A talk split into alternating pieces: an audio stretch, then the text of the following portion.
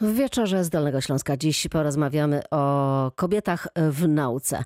Jak to jest? Czy kobiety mają równy dostęp do kariery naukowej? Czy te drzwi przed nimi są otwarte, czy może czasami trzeba je trochę wyważać? Co się zmieniło w ostatnich latach? Nasi dzisiejsi goście. Profesor Izabela Uchmanowicz z Uniwersytetu Medycznego we Wrocławiu, profesor Katarzyna Tworek z Politechniki Wrocławskiej, Małgorzata Baluszewska, kulturoznawca SWPS i Bogdan Tymoszek ze Szkoły Przetrwania SAS we Wrocławiu. Z tą drugą parą porozmawiamy później, a teraz na początek panie profesorki są e, z nami. I tak, e, profesor Katarzyna Tworek, Politechnika Wrocławska. Dobry wieczór. Dobry wieczór, witam Państwa. Doktor hub inżynier Katarzyna Tworek, profesor uczelni, dziekan Wydziału Informatyki i Zarządzania, Politechnika Wrocławska, Katedra Systemów Zarządzania i Rozwoju Organizacji. Tak, tak zgadza się. Wszystko się zgadza. No, y, pierwsze co, to od razu budzi takie zaskoczenie. Jak to dziekan Wydziału Informatyki, kobieta i to tylko jeszcze taka młoda kobieta. Budzi no, to tak, zaskoczenie? muszę powiedzieć, że zaskoczenie tak, zdecydowanie muszę powiedzieć, że zaskoczenie to nieco budzi. Nie wiem, co bardziej, czy to, że jestem kobietą, czy to, że jestem taka młoda. Myślę, że jednak to, że jestem młoda, dlatego że kobiet u nas na Politechnice Wrocławskiej ostatnio się pojawiło dość sporo i to, że kobieta postanowiła być dziekanem, raczej u mnie nikogo nie dziwiło. Raczej spotkało się z takim pozytywnym odbiorem i z powodu tego, że jestem kobietą, nigdy żadnych negatywnych odczuć nie miałam ze względu na swoich współpracowników. To teraz jeszcze przedstawię drugiego naszego e, gościa, a z nami jest e, także pani profesor Izabela Uchmanowicz e, z Uniwersytetu Medycznego we Wrocławiu. To jest Wydział Nauk o Zdrowiu, tak? Tak jest. Jak się Dobry zostaje, wieczór. tak, jak się zostaje kobietą, profesorą, profesorką też w takim młodym wieku? No to, to już nie taki młody wiek, dziękuję pani redaktor. Natomiast e, rzeczywiście tutaj e, pani profesor e, Tworek mówiła, że jej było tak przyjemnie, no bo jest i młoda, no i na technicznej uczelni. Natomiast z kolei ja jestem związana z pielęgniarstwem, jestem pielęgniarką, więc generalnie kobiety mnie otaczają i to czasami jest nawet trudniej niż wśród mężczyzn. Jakkolwiek myślę, że my kobiety potrafimy swoje wywalczyć. No właśnie, ale czujecie panie, że trzeba walczyć o to, że jesteście tak samo traktowane w tym naukowym świecie jak mężczyźni? Tak, ja muszę powiedzieć, że ja zdecydowanie czuję, że walczyć nie muszę i jestem traktowana tak samo jak mężczyźni. Nie odczuwam w ogóle tego, że e, dla kogoś to jest różnica, że ja jestem kobietą. Raczej odczuwam to, że liczą się kompetencje, liczy się zaangażowanie, liczą się chęci do pracy, a moja płeć jest kompletnie drugorzędną rzeczą pani profesor Uchmanowicz? Natomiast e, no, ja myślę, że czasem e, to, że jesteśmy właśnie kobietami w tym środowisku naukowym trochę przeszkadza. Szczególnie, że ja mam blond włosy, to czuję się czasem właśnie o taka e, otaksowana, czy oby ta kobieta, która przyszła rzeczywiście ma te kompetencje, o których przed chwilą moja przedmówczyni powiedziała, ale oczywiście tak, ostatecznie liczą się kompetencje, co mówimy, co robimy i myślę, że sobie dajemy radę w tym środowisku nauki, takim jednak zdominowanym, wydaje mi się, przez mężczyzn. O ile na stanowiskach dziekanów e, pojawiło się, pojawia się coraz więcej kobiet, to sprawdziłam sobie listę rektorów polskich uczelni. No i muszę powiedzieć, że no, na Dolnym Śląsku w ogóle, e, przynajmniej w publicznych uczelniach, a w Polsce raptem naliczyłam 12. To nie za dużo. A ja już... chciałam powiedzieć, że nasza uczelnia techniczna Politechnika Wrocławska ma kobietę prorektora. Jest to druga kobieta w historii Politechniki Wrocławskiej. Jest to moja koleżanka z wydziału i jak najbardziej u nas e, również na takim stanowisku kobieta jest. U nas na Uniwersytecie Medycznym też powiem, że kobiety tutaj są siłą, bo też mamy dwóch e, prorektorów kobiety, panią profesor Dominiak i profesor Piwowar i myślę, że sobie e, radzą z mojego kobiecego punktu widzenia lepiej niż mężczyźni. To za chwilę porozmawiamy o tym, czy chcąc robić karierę naukową, będąc kobietą, co trzeba poświęcić? Czy trzeba coś poświęcić, żeby rzeczywiście poświęcić się nauce? Do rozmowy wrócimy za chwilę. 18 minut po godzinie 20 w wieczorze z Dolnego Śląska. Wracamy do rozmowy z naszymi gośćmi. Profesor Izabela Uchmanowicz z Uniwersytetu Medycznego jest z nami i pani profesor Katarzyna e, Tworek. E, Chciałam zapytać o wasze osobiste, panie, motywacje i też doświadczenia. No zrobiłyście jednak karierę naukową, jakby e, nie powiedzieć. Czy to oznaczało, że musiałyście osobiście z czegoś rezygnować? Bo często się mówi o tym, że e, właśnie to, to wymaga takich poświęceń. Pani Pa- e, Katarzyna Tworek. E, To ja chciałabym z tym stereotypem też spróbować zawalczyć i powiedzieć, że ja nie mam poczucia, że z czegokolwiek musiałam zrezygnować. Mam rodzinę, jestem mamą, mam męża, mam psa, mam dom, mam przyjaciół i mam pracę. No, y, sprawa wygląda tak, że w tej pracy pewnie dużo czasu spędzam i e, pewnie dużo czasu jej poświęcam. Niemniej jednak staram się, żeby nie było to kosztem e, mojej rodziny. Co czasem powoduje, że pracuję w nocy, bo w dzień zajmuję się moim synem. No niemniej jednak staram się pogodzić jedno z drugim i nie mam poczucia, że moja mm, praca zawodowa i ta nauka to jest kosztem czegoś. My, myślę, że to nie tak. A jak pani wybierała taki e, ścisły kierunek, informatykę, to, e, to było tak, że pani była tym cudownym dzieckiem, cudowną dziewczynką, która urodziła się z takim talentem? Jak to było u pani? Ja w ogóle jestem reprezentantką środowiska nauk o zarządzaniu i jakości. Ja się zajmuję informatyką w zarządzaniu konkretnie.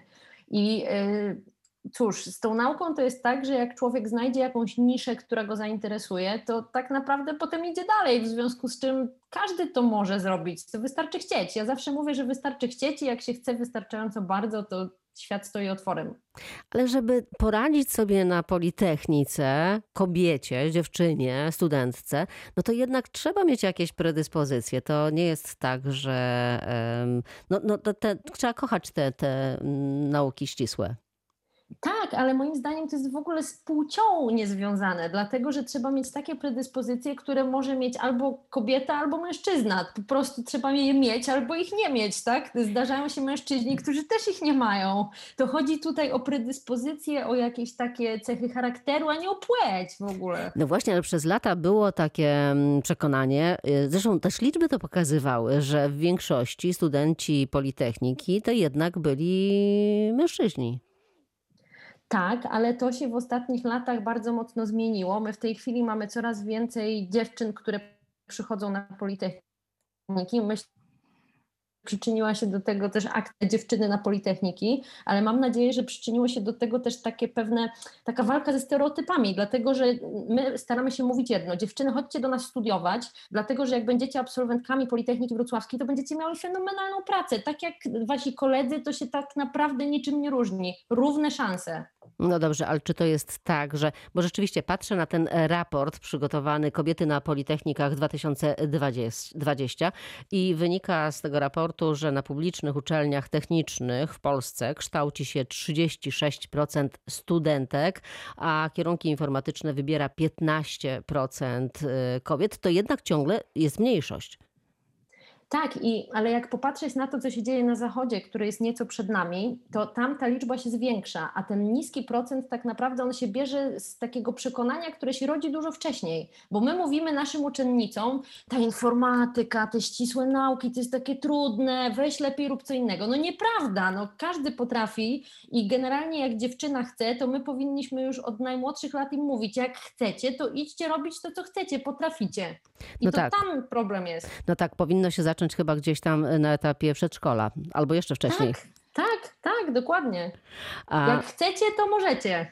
No właśnie, tylko że ciągle jeszcze, może to się zmienia i młode mamy teraz e, tak e, nie robią, ale i w przedszkolach tak się nie robi już, że dziewczynki to chodźcie się pobawicie lalkami, a chłopcy chodźcie zbudujemy rakietę. To ja bym polecała wszystkim mamom, żeby y, budowały ze swoimi córkami rakiety od małego. Dobrze, to teraz przechodzimy do naszego drugiego e, gościa. Właściwie powinnam mówić gościni, czy to paniom e, bez znaczenia? Myślę, że bez znaczenia. To z nami jest jeszcze pani profesor Izabela Uchmanowicz. E, Jak e, właśnie pani czuje się w tym świecie, gdzie na przykład od e, lat też jakby e, te nauki medyczne są w dużej części, czy były w dużej części zdominowane przez e, mężczyzn? E, Tak, one są rzeczywiście zdominowane, zdominowane przez mężczyzn i mężczyźni po prostu, jak już mówimy o tych różnicach e, w płciach, to muszę powiedzieć, że oczywiście mężczyźni, wydaje mi się, że jest troszkę łatwiej, bo jednak zawsze trochę więcej obowiązków przejmują kobiety od nich i wydaje mi się, że taki żart pokazujący, że mężczyzna biegnący do kariery ma gładką bieżnię, a kobieta biegnąca do kariery musi przeskakiwać płotki. Ja się z tym zgadzam, e, ale e, też uważam, że trzeba mieć marzenia i to jest podstawa i moim marzeniem właśnie od dziecka było, że zostanę pielęgniarką, potem będę profesorem, prawda? I to ja do tych marzeń e, jak najbardziej dążyłam, ale też nie zostawiając właśnie niczego w tyle. Także jestem matką trójki dzieci, też mam męża i psa. I proszę Państwa, jed, jed, najważniejszą rzeczą właśnie, która e, tutaj jeśli chodzi o kobiety i mężczyzn, to myślę, że tu jestem wspierający mężczyzna w domu, który nas wspiera w tej karierze i to rozumie i jest to w stanie rzeczywiście wytrzymać, bo to myślę, że tu nie chodzi nawet e, o nas, ale to oni muszą zdecydowanie być tym takim czynnikiem wspierającym w karierze swoją kobietę i myślę, że właśnie wszystkim paniom radzę, miejmy marzenia. e, Rzeczywiście jest to trudne, żeby być e, naukowcem. Ja jestem pracocholikiem i niestety też to czasem odbija się na mojej rodzinie, ale e, jednak staram się też nie zaniedbywać wszystkiego, czyli jak widzą moi Państwa słuchacze, że jednak te płotki mam po drodze i muszę je przeskakiwać. e, Pewnie jako mężczyźnie byłoby mi nieznacznie łatwiej, ale ja e, myślę, że jestem z tego zadowolona statusu swojego. Za kilka minut będziemy rozmawiać e, z kulturoznawcą, e, też kobietą, o stereotypach dotyczących kobiet, też kobiet, które są, odnoszą sukcesy w nauce. I już na koniec tylko o tym, chciałabym, żeby Pani jeszcze powiedziała o tym podziale między takie, to też może taki stereotyp, który być może już się zmienia, że zawsze była ta pielęgniarka i lekarz, ten mądry lekarz i ta pielęgniarka, co zaparzy kawę. To się zmienia? Kawy nie, to się zmienia, kawy nie parzymy, ale rzeczywiście teraz bardziej e, dąży się do takich zespołów multidyscyplinarnych, żebyśmy jednak współpracowali jako partnerzy. Oczywiście kolegom lekarzom chętnie kawę zrobię, jeśli oni się odwdzięczą tym samym. Także nie mam z tym problemu. Natomiast też czas się zmienił, myślę. Oby tak właśnie było. Bardzo pięknie e, dziękuję. Naszymi gośćmi e, były e, profesor Ali Izabela Nuchmanowicz z Uniwersytetu Medycznego we Wrocławiu i profesor Katarzyna Tworek z Politechniki Wrocławskiej. Dziękuję paniom za ten wspólny część wspólnego wieczoru, a my za chwilę wracamy do rozmowy z kolejną parą gości. 20.30 minęła. W wieczorze z Dolnego Śląska rozmawiamy dziś o kobietach e, w nauce. Sprawdzam e, raporty i z jednego z nich e, wynika, że 57% ogólnej liczby studentów w Polsce to właśnie kobiety. No i teraz jedną z nich porozmawiamy. Kolejni nasi goście, dr Małgorzata Bulaszewska, kulturoznawczyni SWPS i Warszawska Wyższa Szkoła Humanistyczna. Dobry wieczór pani doktor. Dobry wieczór. I jedyny mężczyzna w dzisiejszym e, gronie, Bogdan Tymoszyk, Szkoła Przetrwania SAS e, we Wrocławiu. Dobry wieczór. Dobry wieczór, witam. To zanim przejdziemy do naszego e, gościa męskiego, to jeszcze najpierw z panią doktor. Kobiety w większości na uczelniach w Polsce. To panią zaskakuje, czy to jest jakiś trend, który jest obecny od dawna? E, Coraz więcej rzeczywiście kobiet jest na uczelniach w Polsce, ale badania GUS i te z 2019 roku jednak pokazują, że kobiet w Polsce na wyższych uczelniach, na stanowiskach akademickich jest 41%.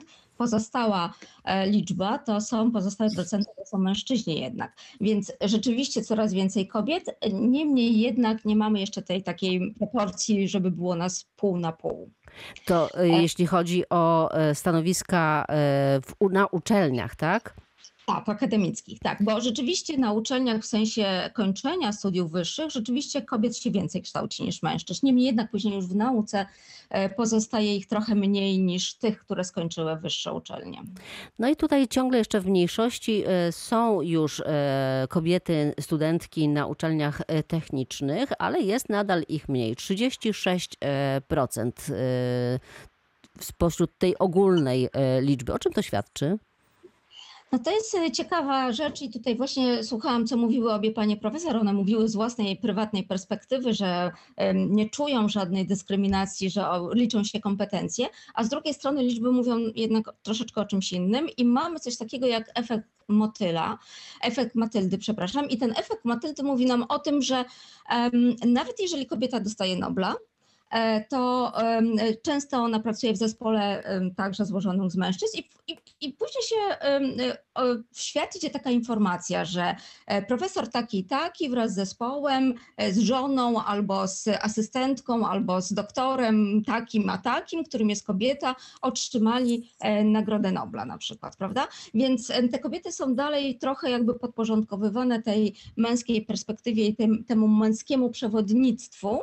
E, I też tu jedna z pań profesor mówiła o tym, że e, ona jest e, młodą blondynką, co trochę dziwi, że jest Profesorem. a tak, na Akademii Technicznej i rzeczywiście to dziwi. Ja mam koleżankę, z którą czasami robimy, ja też od razu powiem, że jestem blondynką, pewnie nie aż tak młodą jak pani profesor, ale z koleżanką z uczelni ze SWPS-u em, robimy czasami taki, taką, takie dyskusje, gdzie pojawiamy się właśnie w blond włosach, zwykle dość atrakcyjnie ubrane e, i e, często obserwujemy, jak e, widać na twarzach, że takie pierwsze myśli były tych widzów, tych słuchających o tym, ale co takie blondynki mogą powiedzieć? I dopiero kiedy otwieramy usta i zaczynamy mówić, a właśnie widzę panią redaktor, tak? Też blond. też blondynkę oczywiście. E, I dopiero kiedy otwieramy usta i zaczynamy mówić profesjonalnie na tematy, w których jesteśmy kompetentne, e, no nie chcę powiedzieć, że widać jak otwierają się buzie, ale często nawet tak jest. Jest to zdziwienie, że kobieta, e, stosunkowo atrakcyjna blondynka może być kompetentna i może zajmować stanowiska e, na wyższych uczelniach. Rozmawiamy tutaj o tym etapie już wyższych uczelni, nauki, stopni naukowych, odkryć, ba- od- badań, ale wszystko zaczyna się tak naprawdę już e, bardzo, bardzo wcześnie. Z nami jest Bogdan Tymoszek, Szkoła Przetrwania SAS we Wrocławiu. Masz do czynienia z i chłopcami, i dziewczętami. Zabierasz ich e, w trudne e, warunki. Jak myślisz, gdzie jest ta granica, ta bariera? Jak to się dzieje, że właśnie te dziewczynki gdzieś tam, wydaje mi się, że badania pokazują, że mniej wierzą w siebie, w swoje możliwości. No, na pewno tak jest. Ja też e, pracuję z dzieciakami bardzo takimi no, młodymi, czyli 10-12 lat. E, I bardzo często obserwuję, że mm, no, te role społeczne, które są od początku e, ich wychowania i przebywania w rodzinie przekazywane, no nie podłapują. Myślą, że te wzorce są ok, że są w porządku. Zdarza się tak, że, e, że dziewczyny, które chcą, dziewczynki, które chcą, no nie wiem, nawiązać jakieś relacje takie, w których mogłyby być liderami, i naprawdę mają ku temu e, inklinacje i, i kompetencje, no to przez chłopaków są zakrzyczane w taki właśnie stereotypowy sposób. Wy się na tym nie znacie, wy jesteście za słabe. E, Ja ze swojej perspektywy powiem e, tak, powielokroć w mojej, mm, w mojej całej tej edukacyjnej karierze w, w górach e, zwracałem uwagę na to, że to dziewczyny są bardziej e, odporne na sytuacje ekstremalne, na wyzwania, mm, które wymagają spokoju, mm, takiej dyscypliny wewnętrznej, działania bardzo mm, przemyślanego. Ostatnie panikują. Tego się nauczyłem. Ja wiem też, że, że po to, żeby przyjść do takiej szkoły, to też nie, nie, nie każdy do tego, do tego się nadaje. Natomiast bardzo staramy się w kadrze instruktorskiej walczyć z tymi e, stereotypami. Ja jestem e, bardzo mocnym przeciwnikiem powielania ich, trzymania tego, że, że dziewczyny się do czegoś nie nadają. No i na koniec mogę powiedzieć, że u mnie są instruktorzy, tak, i instruktorki. E, I często jest tak, że taka stereotypowa, e, szczuplutka, malutka dziewczyna, 1,60 m i ma przy sobie mm, drągali po 2 metry i oni nie dość, że jej słuchają, to podziwiają to, co robi, mówią, to jest z e, ogromnym szacunkiem, to jest nasza szefowa, ona ma ogromne doświadczenie, no tak mniej więcej to wygląda, ale, ale tak jak mówię, no te stereotypy w, od początku trzeba naprawdę w zarodku dusić, bo, bo one są mega krzywdzące, zresztą uważam, że dla obu stron, bo dla chłopców e, i na mężczyzn w późniejszym wieku również. O stereotypach pani doktor, pani e, pisała, czy zajmowała się tym, badała e, stereotypy dotyczące e, kobiet. I jak pani to widzi właśnie? Czy to jest tak, że rzeczywiście, bo to też pewnie się zmienia w tej chwili, nie? że to nie jest już tak jak jeszcze 20 lat temu, że dziewczynki to tylko te różowe lalki, chociaż to ciągle e, tak jest. Funkcjonuje, tak, to niestety ciągle funkcjonuje. Mówię niestety, dlatego że ze stereotypami strasznie trudno się walczy. One są powielane i utrwalane w języku. Nawet jak mówimy, mówimy sekretarka pejoratywnie, nie mówimy sekretarz, pani sekretarz, e, naukowczyni, prawda, to e, te, te żeńskie końcówki, one się dopiero przyjmują i e, zwykle ma, męskie mają w tym świecie naukowym końcówki, są używane, prawda. E, Stereotypy bardzo trudno się też e, zmienia, dlatego że to jest taka pierwsza myśl, która się pojawia w głowie, e, którą e, mamy jakieś hasło, wszystko jedno, czego ono dotyczy, i e, na to hasło każdy człowiek wyobraża sobie cokolwiek w głowie, jak to może wyglądać, tak? czym to jest. Czyli na przykład e, mamy kota i każdy z nas sobie tego kota jakoś wyobraża. To e, tak działają stereotypy. I one podsuwają nam podpowiedzi, zwłaszcza w momentach, kiedy nie mamy kompetencji, które by pozwoliły nam powiedzieć, że ten stereotyp, on się już zmienił, że tak nie jest, że kobiety w nauce da, teraz już są i coraz więcej tych kobiet jest. Ale trudno się z tym walczy. E, Natomiast em, możemy też zobaczyć w mediach, jak to jest. U pani redaktor jest wyjątkowo, bo rzeczywiście dzisiaj są praktycznie same kobiety, oprócz tutaj e, pana, który przed chwilką mówił. Jesteśmy wyrozumiałe, więc e, pozwalamy. Tak. E, Natomiast, e, proszę Państwa, zobaczmy media. Jeżeli jest jakakolwiek dyskusja na jakikolwiek temat, wszystko jedno, czy polityczny, czy psychologiczny, czy wychowania dzieci i tak dalej, e, to zawsze pojawiają się panowie w proporcji 3 do 1 do kobiety. Jeżeli ja jestem zapraszana na jakieś wypowiedzi, to zwykle e, spodziewam się, że pozostali goście to będą panowie, nawet jeżeli program jest prowadzony przez kobietę. Czyli trochę powiedzmy sobie same to robimy. No tak, choćby w polityce też e, można zobaczyć, jak e, wielu jest e, mężczyzn, jak e, mało e, kobiet, no ale to też e, wynika często z tego, że my mamy po prostu naprawdę poważne rzeczy do zrobienia e, i trochę nie mamy czasu na, na te wieczne spotkania i, i, i, i meetingi. Nie? No, współcześni mężczyźni również mają dużo do zrobienia. Jednak staramy się, te młode pokolenia jednak starają się dzielić te obowiązki, co jest bardzo fajne. Natomiast rzeczywiście te obrazy, które funkcjonują, no to takie, że panowie są przeznaczeni do tej sfery publicznej, czyli wychodzą z domu, e, zajmują się e, polityką, biznesem, przynoszeniem em, tak zwanego jodzenka do domu. Natomiast kobiety są przeznaczone do tej sfery prywatnej, czyli zajmują się domowym ogniskiem.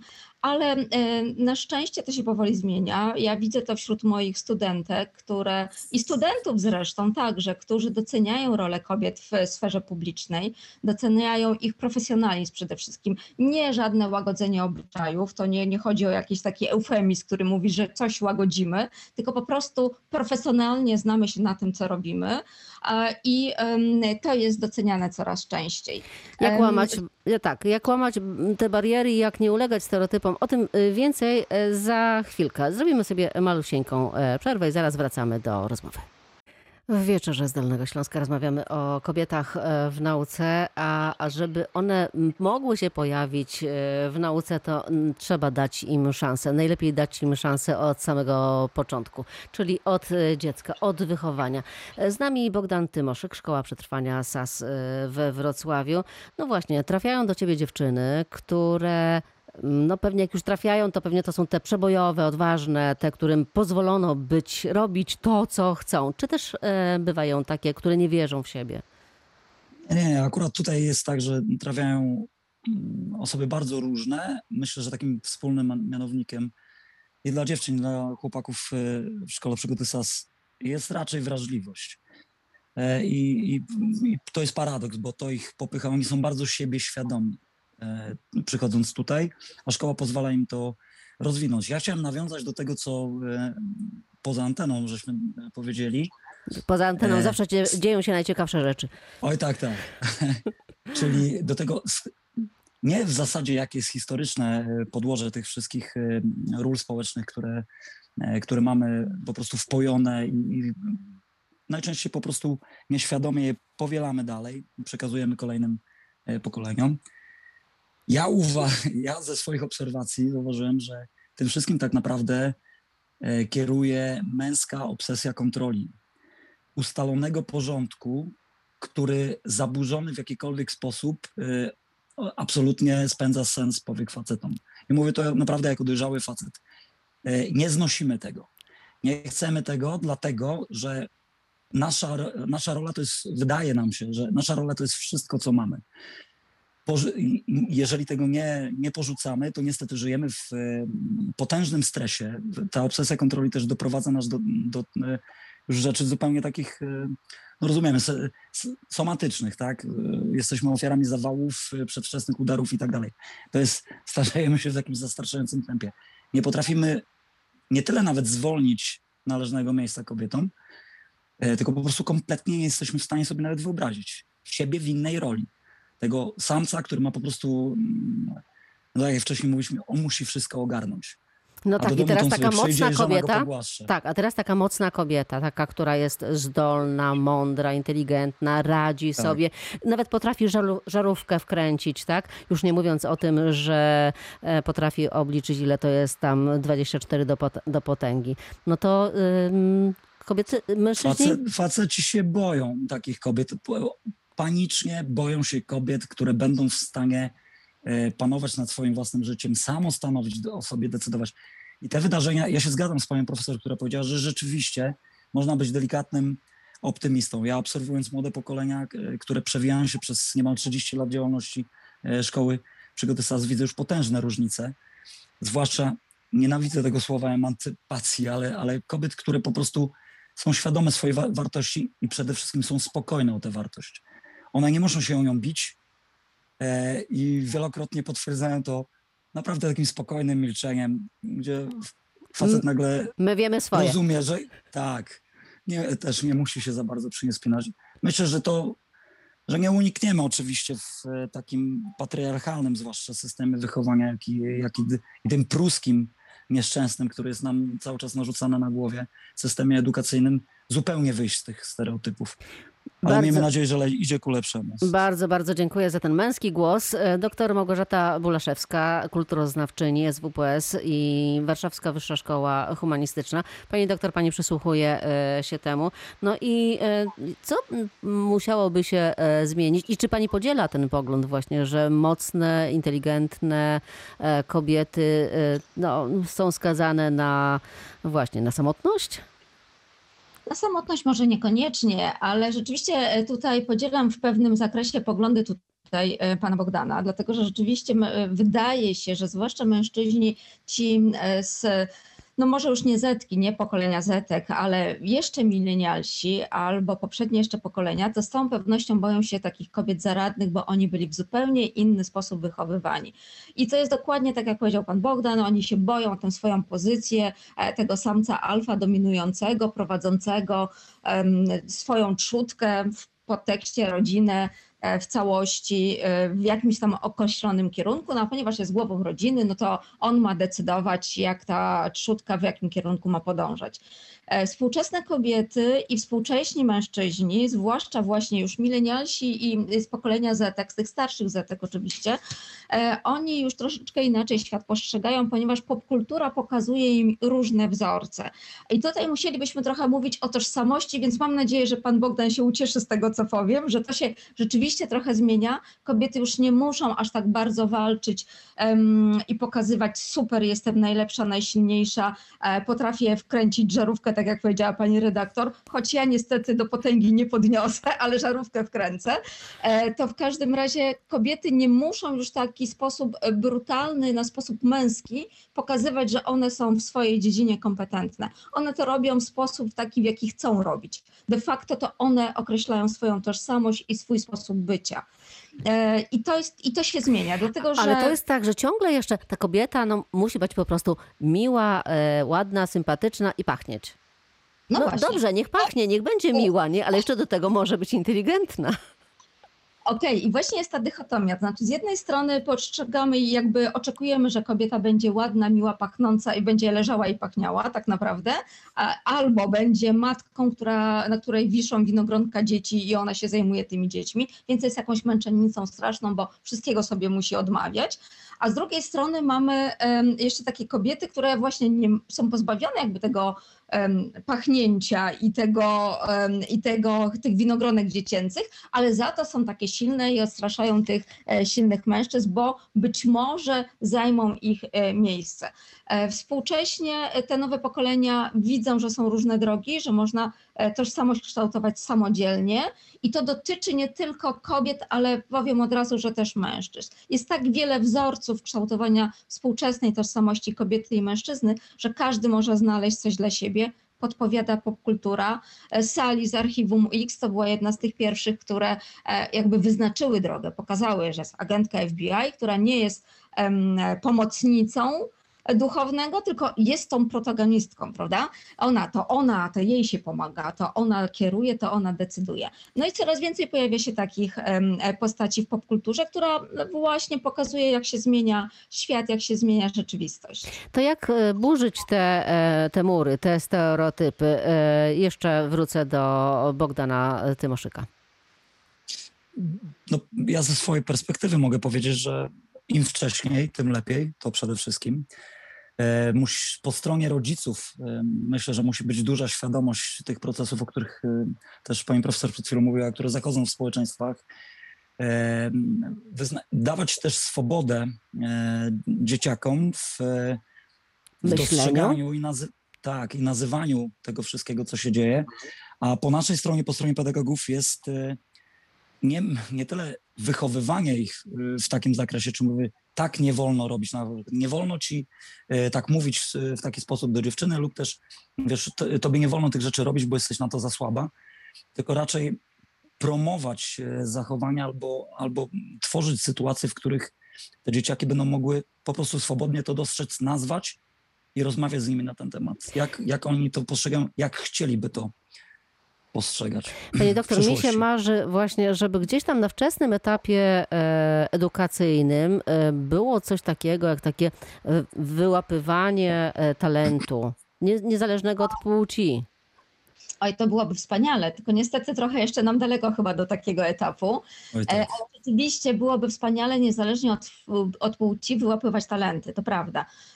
Chociaż, chociaż już teraz troszkę nawet w przedszkolach się też zmienia. Ostatnio słyszałam Dzień Babci, Dzień Dziadka i już nie było takiego stereotypu, że trzeba, dziewczynki muszą przyjść w spódniczkach, tylko po prostu miały przyjść na galowo. Wszystko jedno, czy to była spódniczka, czy to, był, e, czy to były spodnie.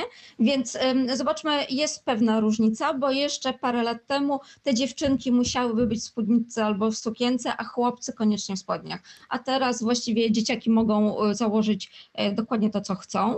I to jest ten taki drobny kroczek w, kierunku zmian, postrzegania i jakby odchodzenia od stereotypów, ale to jest wielowiekowe, więc to tak łatwo nie pójdzie. Otwarta głowa. To jest początek e, tego, żeby potem można było mówić o kobietach e, w nauce, o mężczyznach e, też, o tych, którzy mają talenty po prostu. Niech je rozwijają.